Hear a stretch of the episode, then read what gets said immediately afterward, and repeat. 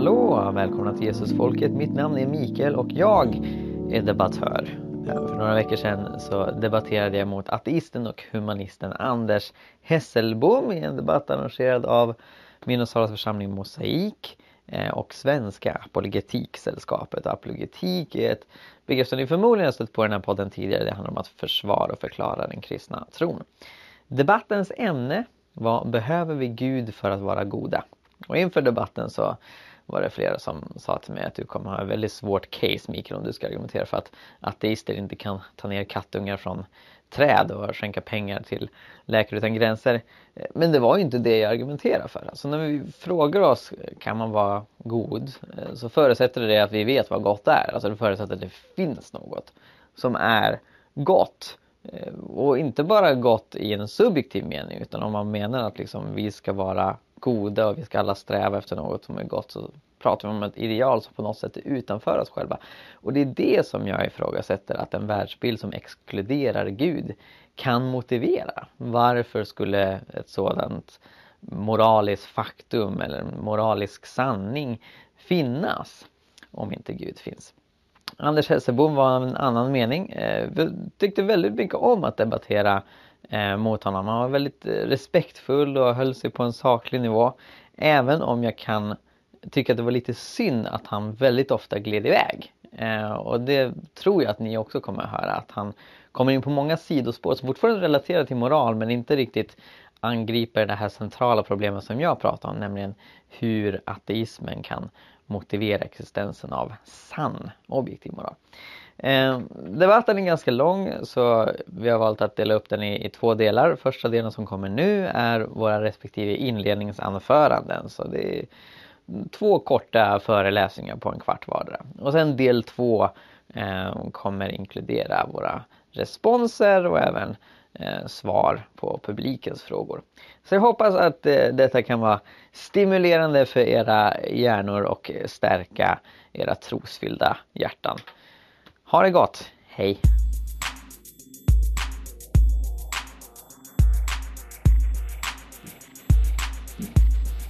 Då ska vi se. Varmt välkomna även ni som precis är på väg in. Det finns lite enkelt fika att ta sig där. Eh, gratis, dagen till ära. Varmt välkomna till eh, debatt här på Café Mumrik. Jätteroligt att se så många här. Eh, jag heter eh, Johannes Widlund och jag kommer vara eh, moderator här idag. Men vi ska börja med att få en liten, liten bakgrund till hur den här debatten kom till och, och vem som är arrangör. Så jag lämnar micken till Ronny. Ja, så trevligt att se så många samlade här ikväll. Och mitt namn är Ron Almroth och jag är initiativtagare och direktör för ett forum som heter Svenska Politiksällskapet och det är ett eh, Facebookforum som har närmare 700 medlemmar nu där vi tillsammans talar med varandra om hur vi som kristna då kan svara på invändningar mot vår kristna tro.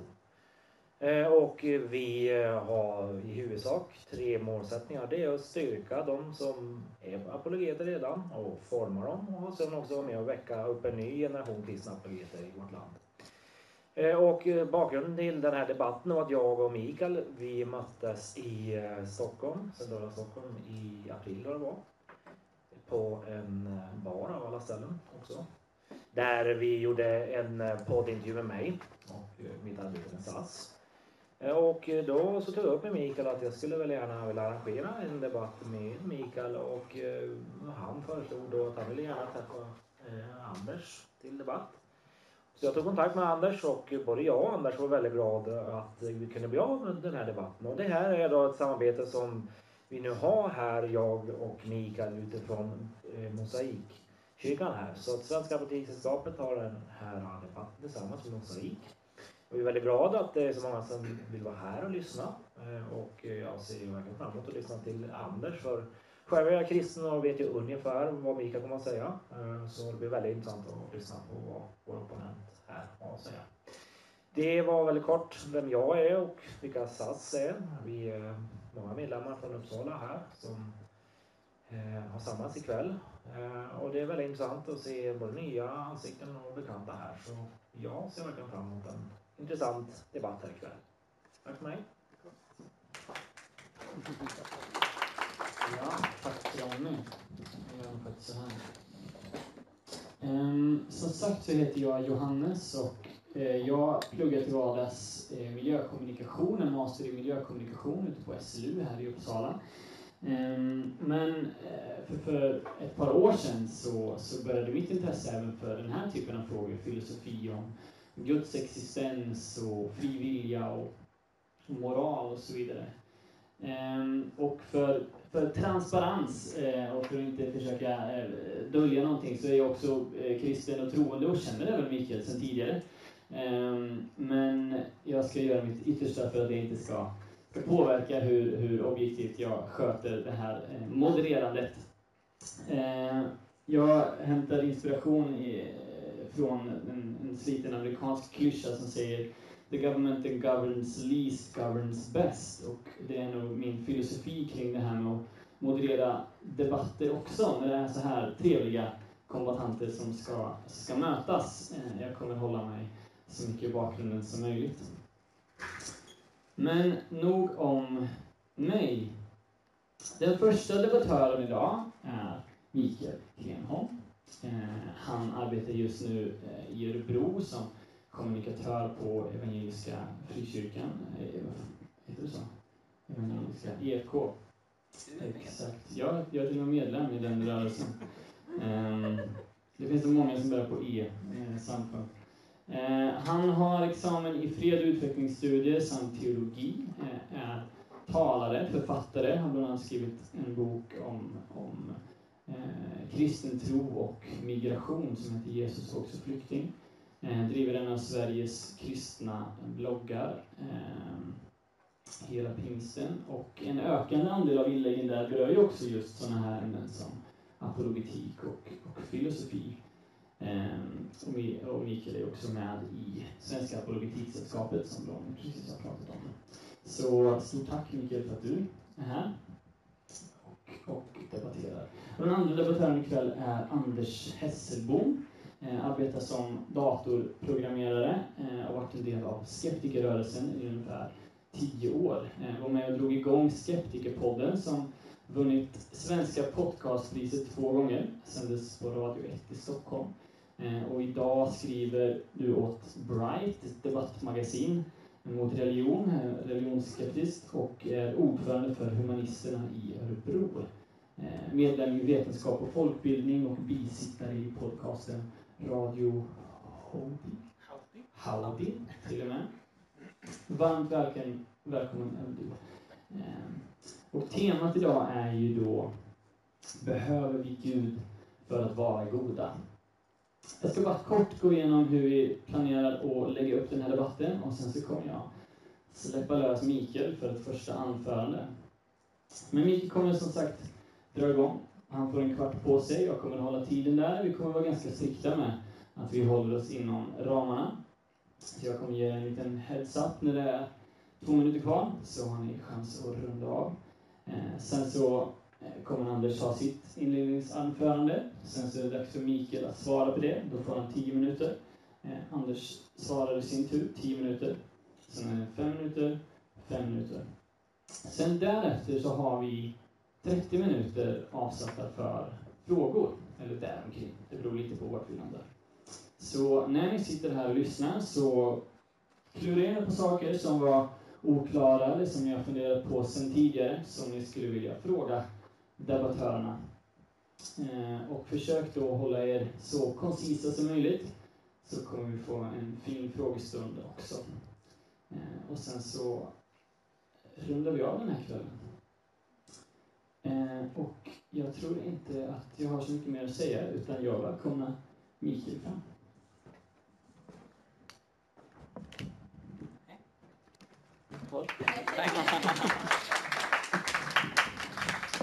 Ja, det, det, är fantastiskt roligt att det här blir av. Eh, jag är både glad och lite nervös. Det är första gången som jag är med i en sån här debatt. Men jag har verkligen sett fram emot det eh, rätt så länge. Så eh, tack för att du kunde ställa upp Anders och tack för att ni har kommit. Jag är aktivist. Jag har i flera år engagerat mig för fred och rättvisa, eh, flyktingars rättigheter som Johannes nämnde, miljö eh, och annat. Och jag är fullt medveten om att i min kamp för att utbreda mänskliga rättigheter och göra världen till en bättre plats, så är det ju många som inte tror på Gud som hjälps åt. Eh, så man behöver inte tro på Gud för att göra handlingar som jag och många med mig uppfattar som goda. Det är inte det jag kommer argumentera mot i kvällens debatt. Utan när jag läser frågan för debatten, behöver vi Gud för att vara goda? Så tänker jag ett snäpp djupare. Hur vet vi vad det goda är? Hur vet vi vad som är gott? Och hur kan vi veta det utan att föra in Gud i ekvationen? Eh, så det är vad mitt inledningsanförande kommer handla om. Tyngdpunkten, tyngdpunkten på debattfrågan för mig alltså på goda. Hur vet vi eh, vad som är gott? Och jag har tänkt i det här första anförandet att eh, försvara tre stycken teser. Eh, och håll i er, för nu blir det lite tråkiga och svåra ord. Men jag kommer försöka förklara dem så gott jag kan. Den första tesen, eller idén, som jag kommer försvara, det är om Gud inte finns så kan inte moralisk värderealism vara sann. Och jag kommer komma tillbaka till vad moralisk värderealism betyder. Den andra tesen är helt enkelt motsatsen. Om Gud finns så kan moralisk värderealism vara sann. Och den tredje tesen, lite mer invecklad, den lyder den som förespråkar eller kritiserar moraliska idéer anser att moralisk värderealism är sann. Ni ser ut som frågetecken många av er, men jag kommer att förklara det här. Först och främst, moral handlar om rätt och fel, gott och ont, hur människor bör agera. Inte bara hur de faktiskt agerar, utan hur vi bör agera för att göra rätt, för att göra gott. Och det här med moralisk värderealism, det är helt enkelt idén att det finns moraliska sanningar, det finns moraliska fakta. Så jag argumenterar för att om Gud inte finns, då kan det inte finnas moraliska sanningar eller fakta. Eh, då så går det inte att avgöra vad som faktiskt är sant när det gäller moraliska idéer. Men jag menar att om Gud finns så kan det vara sant med moraliska fakta. Och jag menar också att den som förespråkar eller kritiserar moraliska idéer, den som säger det här är gott eller det där är fel, den utgår i praktiken från att det finns moraliska fakta. Och värderealism är en term som används inom etik och det akademiska studiet av moral idag.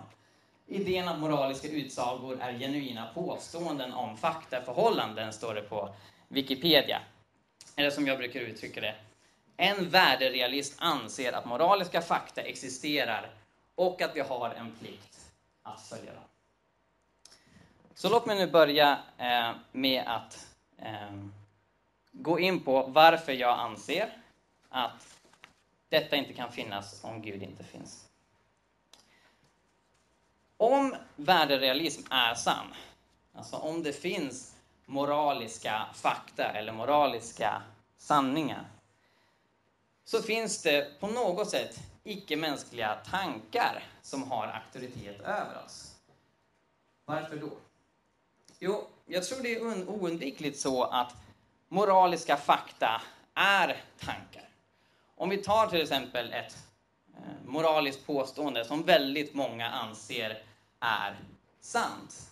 Alla människor har lika värde då är ju det en tanke i våra sinnen. Och om det enbart är det, om det enbart är en mänsklig idé, som det dessutom finns några människor som inte alls håller med om och ganska passionerat argumenterar emot, så räcker det inte för att säga att det här är ett faktum, det här är sant.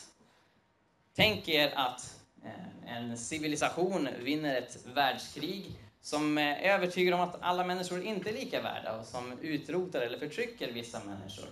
Och säg att den civilisationen erövrar hela jorden och dödar eller övertygar alla som tycker annorlunda om att deras perspektiv, omänskliga rättigheter, är sant. Om värderealism är sann, om det stämmer det här att det finns moraliska fakta, då kan det fortfarande vara så att alla människor är faktiskt lika mycket värda, även om hela mänskligheten skulle tycka annorlunda. Det är vad som ligger i begreppet värderealism. Det kallas ibland också för objektiv moral. Och det menar jag är en idé, en tanke.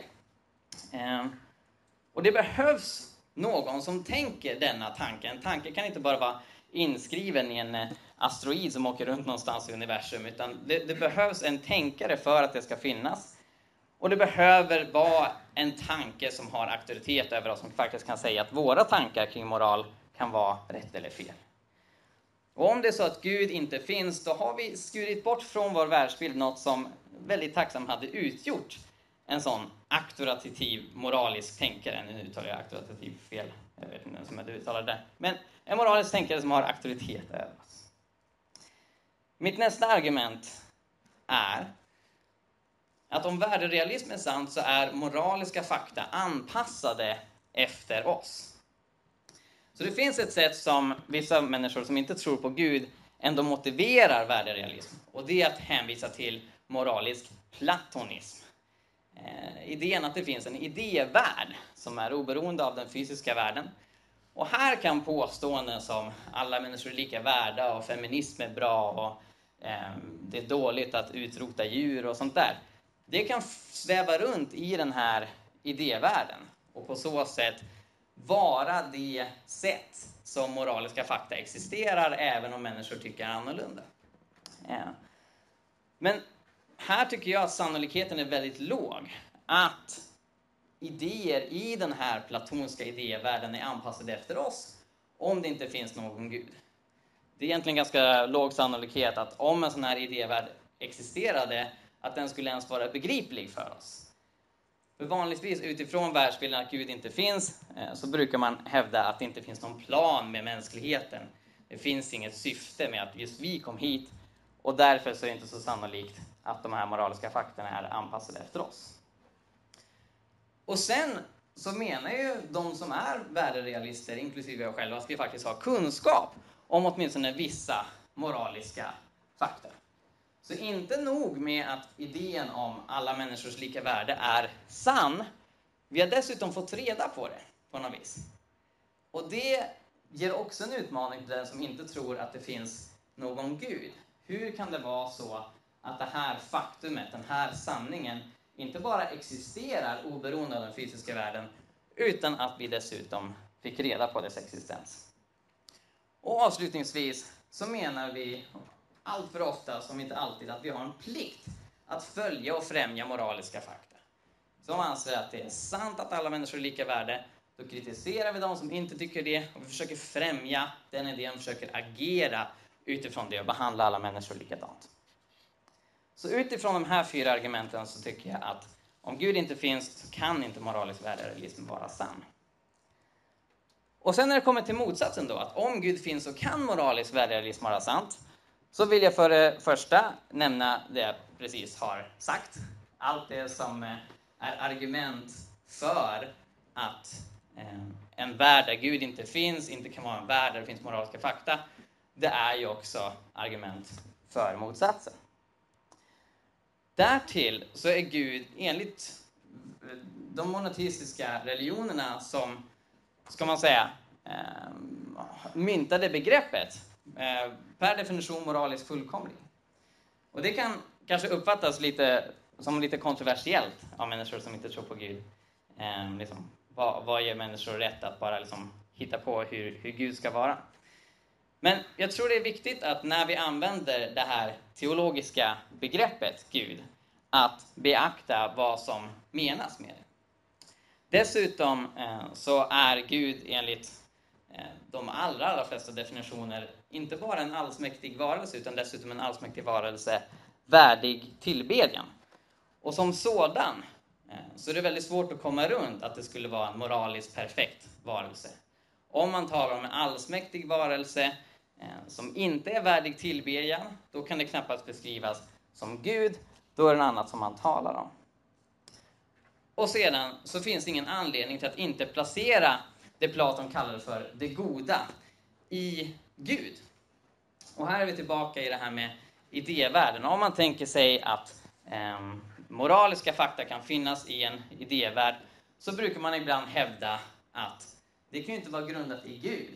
Därför att Gud är också ett subjekt. Gud har också åsikter. Och Gud måste titta på det här eh, moraliskt sanna för att kunna ge bud om vad som är gott till människorna. Och jag tänkte illustrera detta med lite figurer. Så här har vi människor från olika religioner och länder.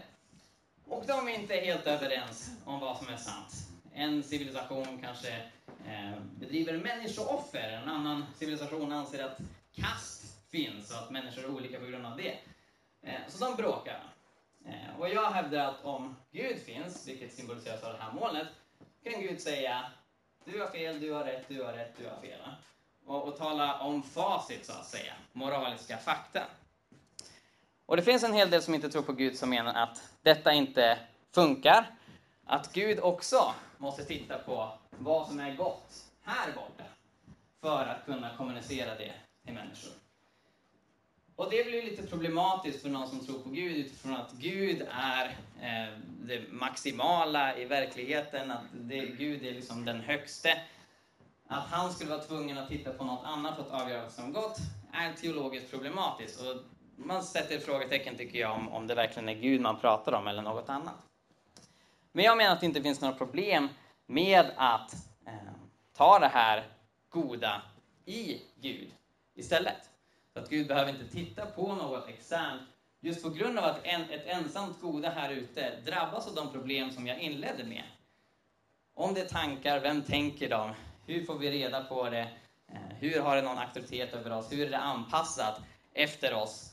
Om det inte är i Gud som detta goda finns.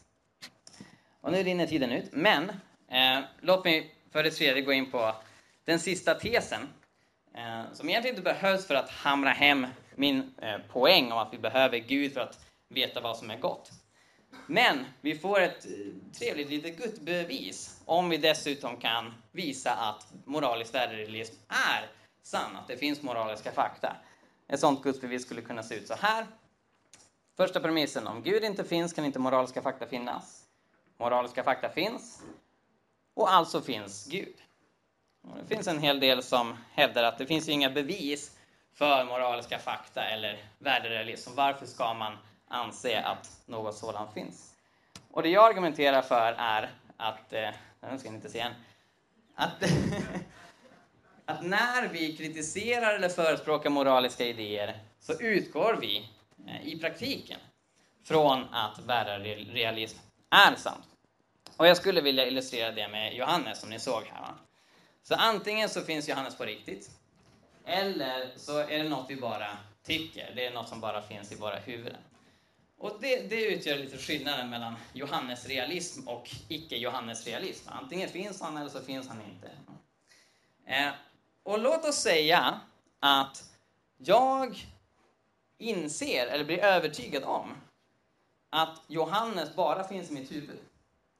Jag, jag blir plötsligt övertygad om att Johannes existerar bara subjektivt. Johannes realism är falskt. Det finns inget faktum som heter Johannes, utan det är bara i mitt huvud. Och det kan jag ju anse.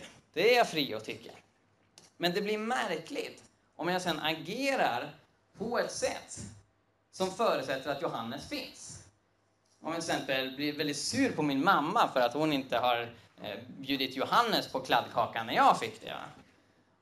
Alltså, något sånt kan jag egentligen inte göra om jag ska vara rationell, om jag är övertygad om att Johannes bara finns i min hjärna.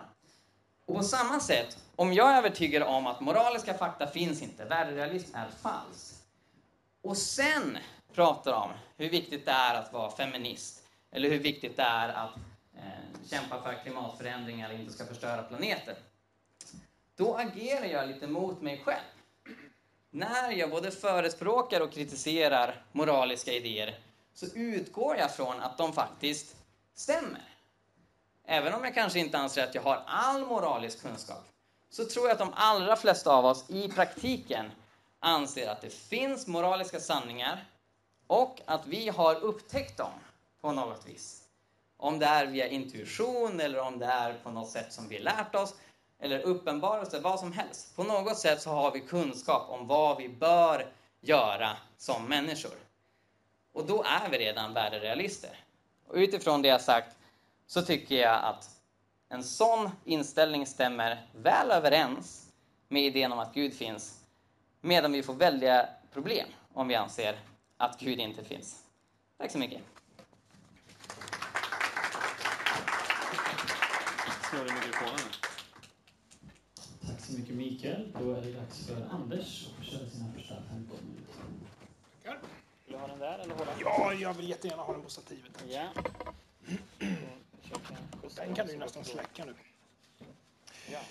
Ehm, Mikael, hur släcker vi den här på något smidigt sätt? det är nog Ska den skulle jag tro. Ja, du har inget Nej, nu är det slut. Så. Och tack så mycket Mikael. Och tack så mycket till Ronny som bjöd hit mig och till Svenska Apologetiksällskapet för att vi har den här intressanta debatten. Och att jag blev inbjuden då att få egentligen bära naturalismens fana så högt jag förmögen, eh, är förmögen att göra det. Och eh, min utgångspunkt är ju för det första att Gud inte finns på riktigt. Och eh, jag måste ju också säga att vissa av de saker som jag påstår nu, som jag ska försöka belägga också, kommer säkerligen Mikael då att hålla med mig om. Eftersom Mikael uppenbarligen inte anser att man behöver tro på Gud för att vara god. Vilket eh, är mycket glädjande för oss humanister. Så för att jag ska kunna angripa den här frågan så måste jag ju på något sätt kanske ge Mikael liksom, frågan om att Gud finns gratis för att sen kunna förhålla mig till det. Men för min del så känns det som att eh, anledningen till att vi diskuterar just Gud handlar ju inte om hur någonting egentligen är utan om vad Mikael Grenholm tror.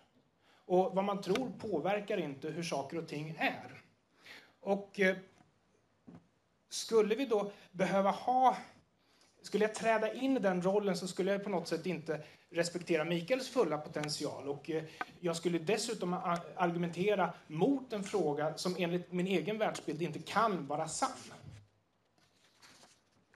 Så vi delar inte premissen för föreställningen, men däremot så ska jag försöka få er att tycka att jag har rätt. Och när det är två minuter kvar, nu är det inte säkert att jag använder hela tiden, men är det tio sekunder kvar så får du jättegärna säga till också, för då kan jag nämligen avsluta. Såvida nu inte Gud i det här sammanhanget för sakens skull reduceras till en idé, alltså måste man tro att Gud finns för att kunna föra den här argumentationen. Vi behöver ju inte tro att Gud finns för att vara goda, det är Mikael och jag överens om.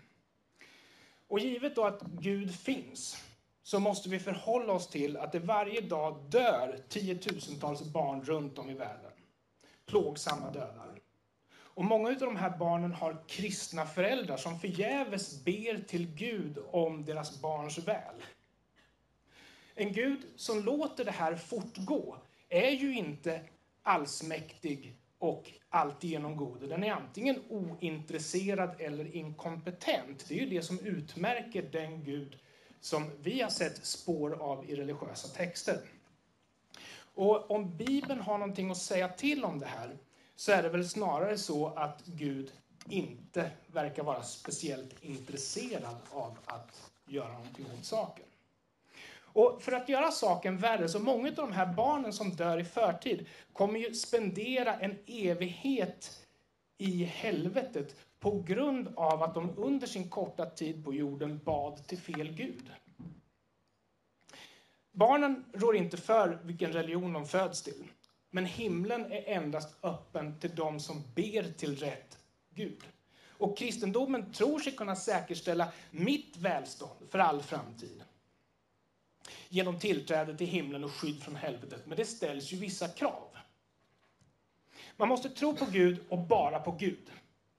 Och om man tror på Gud så borde man kunna tänka att det är Gud som har skapat reglerna som måste följas, vilket Fattar budordet du ska inga andra gudar hava jämte mig. Gud är alltså upphovsman till det regelsystem som förpassar miljarder av människor till helvetet på grund av faktorer som de inte rår för. Någon kanske är skeptiker och oförmögen att tro på sånt som inte stöds av fungerande evidens. Någon annan kanske hade föräldrar som introducerade barnet till fel religion. Samtidigt, en massmördare som konverterar på dödsbädden är välkommen till en evighet i himlen. Medan människor som tvärtom är genuint goda, eh, de får ett evigt straff. Så frågan är ju om gudstro och moral överhuvudtaget är kompatibelt. Det som jag har sett av kristendomen har definitivt ingenting med god moral att göra. Christopher Hitchens formulerade en utmaning. Nämn den goda gärning som en teist, alltså till exempel en kristen, kan begå, eller är kapabel att gå, som inte en ateist är kapabel att begå.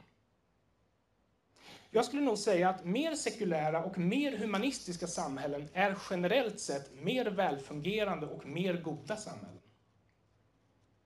Sekulärhumanister gör dessutom rätt, gör det som goda ting av rätt skäl, det vill säga för att man genuint bryr sig om sina medmänniskor, inte för att man vill passa upp på en bevakande Gud.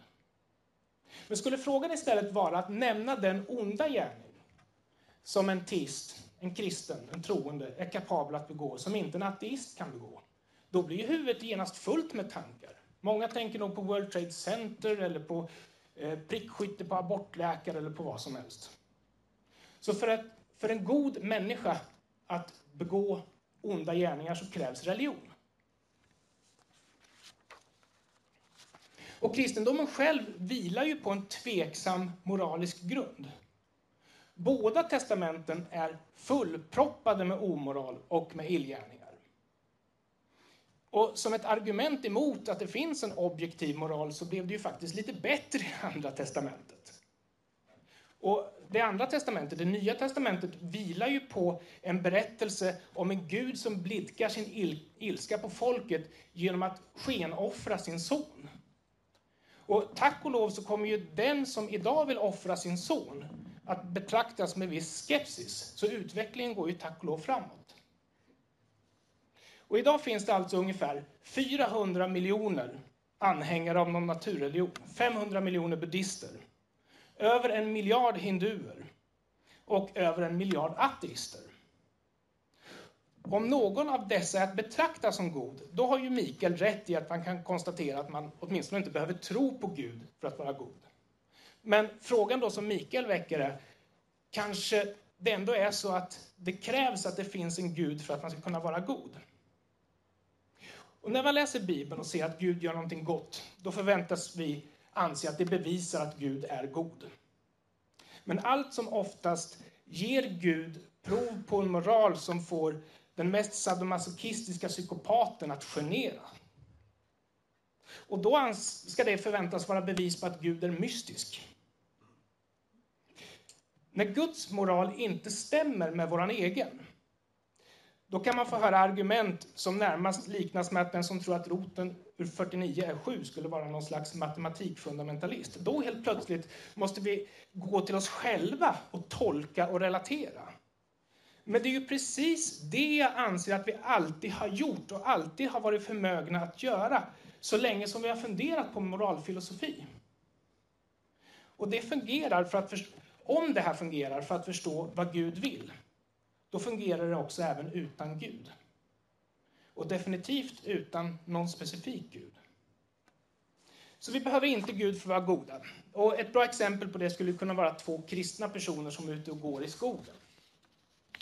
Där den ena helt plötsligt lyckas övervinna sin tro. Han lyckas frigöra sig från föreställningen att det finns en Gud. Kommer han då inte längre ha någon glädje av sin vän? Kanske han rent av tänker att det inte spelar någon roll om man slår ihjäl sin vän. För inte kan man väl uppskatta världsliga ting som vänner om det inte finns ett övernaturligt väsen i bakgrunden som tycker saker om det här. Jag är inte främmande för tanken att det finns en objektiv moral. Alltså att vi har kommit fram till att vissa saker alltid är bättre och att vissa saker alltid är sämre. Men jag kan inte acceptera att moral måste vara objektiv för att vara värd något. Eller att moral som är objektiv måste ha ett övernaturligt ursprung eller ens vara förankrat i någonting som inte är moraliskt. Och en parentes skulle man kunna nämna där att om man som ateist befinner sig i situationen av att man till exempel har begått en illgärning så kan man endast få förlåtelse av den som har gjort illa. Vi har inte förmånen av att ta genvägen via ett övernaturligt väsen, en pappafigur i himlen eller någon själavårdare som för den här imaginära personens talan. Och vi vill inte ha det på något annat sätt. Därför att för oss är tanken på våra medmänniskor värd mer än tanken på övernaturliga väsen. Vi kan bättre förklara vår moraliska uppfattning som vår ackumulerade uppfattning av rätt och fel. Genom observation och granskning av konsekvenser och analys, genom empati och genom, genom vår utvecklade förmåga att resonera. Precis som vi kan förklara arternas mångfald genom biologisk evolution så kan vi förklara moralisk utveckling genom social evolution. Man blir alltså inte moralisk av att tro på Gud, men vi behöver inte heller ha en Gud för att förklara moral eller moralens ursprung. Och skulle jag få en chans att nämna ett budord till, nämligen det femte, du ska icke dräpa, så kan man ju fundera på hur, vi, hur det är tänkt att vi ska tro att Israels folks betedde sig innan den här visdomen delades med dem av Gud. Om vi förväntas tro att de slog ihjäl varandra på måfå, så kan vi konstatera att den som är död kan ju inte föra sin arvsanlag vidare. Det beteendet skulle ju sorteras bort av evolutionen. Och det för ju tanken till till exempel ett stim rödbukade pirajor. Det är eh, rovfiskar med sylvassa tänder som jagar i flock. De spenderar inte mycket tid på att fundera på rätt och fel eller på moral. Men de äter inte upp varandra. Av den enkla anledningen att skulle de göra det så skulle ju det beteendet filtreras bort av evolutionen. Och eh, evolution sker i grupp och ett gruppbeteende som inte är gynnsamt för gruppen kommer att sorteras bort. Det är alltså det är samma drivkraft som driver människans evolution, vilket är, vi vet är en fullt naturlig kraft. Som inte kräver någon övernaturlig agent överhuvudtaget. Om man till det här lägger tanken att vi är skapade så reducerar det oss till ett grymt experiment. Tänk på allting som mänskligheten har utsatts för genom de årtusenden som har passerat. Tänk sen på ett barn som har en myrfarm hemma på rummet. Tänk att barnet studerar myrorna, skyddar myrorna och sörjer för deras väl. Kanske myrorna, om de vore kapabla, skulle vaggas in i tanken att det var barnet som hade uppfunnit godhet. Men tänk om barnet istället plågar sina myror. Utsätter dem för översvämningar och jordbävningar. Nästan som om myror vore som, vore som människorna här på jorden. I det läget, att myrorna då skulle komma på tanken att det är barnet som har uppfunnit godheten blir ju inte då bara en ologisk tanke, utan det blir ju också en direkt omoralisk tanke. Så det jag förespråkar det är att vi ska våga se verkligheten som den faktiskt är, utan vidskepligt motiverade hinder. Man belönas inte bara med en ökad förståelse, utan man slipper hitta på förklaringar till problem som egentligen inte finns på riktigt. Som till exempel varför en, gud, en god Gud gör onda ting. Och avslutningsvis så skulle jag vilja betona att varför måste vi ha objektiv moral? Det finns ju ingenting som säger att den behövs. Den kan vara alldeles utmärkt positiv och bra även om vi har kommit fram till den på rationell väg istället för genom övernaturlig väg. Och jag tror inte jag har förbrukat all min tid, men det var det jag tänkte avfyra i det här läget. Thank you.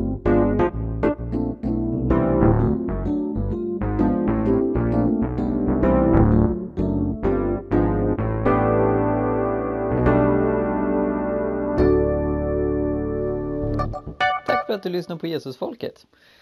Den här podden drivs av Jerusalemprojektet som också står bakom bloggen Hela Pingsten. Och för att se hur du kan stödja och hjälpa oss utveckla podden vidare, gå in på jerusalemprojektet.org och läs mer. Gud välsigne er, ha det bra!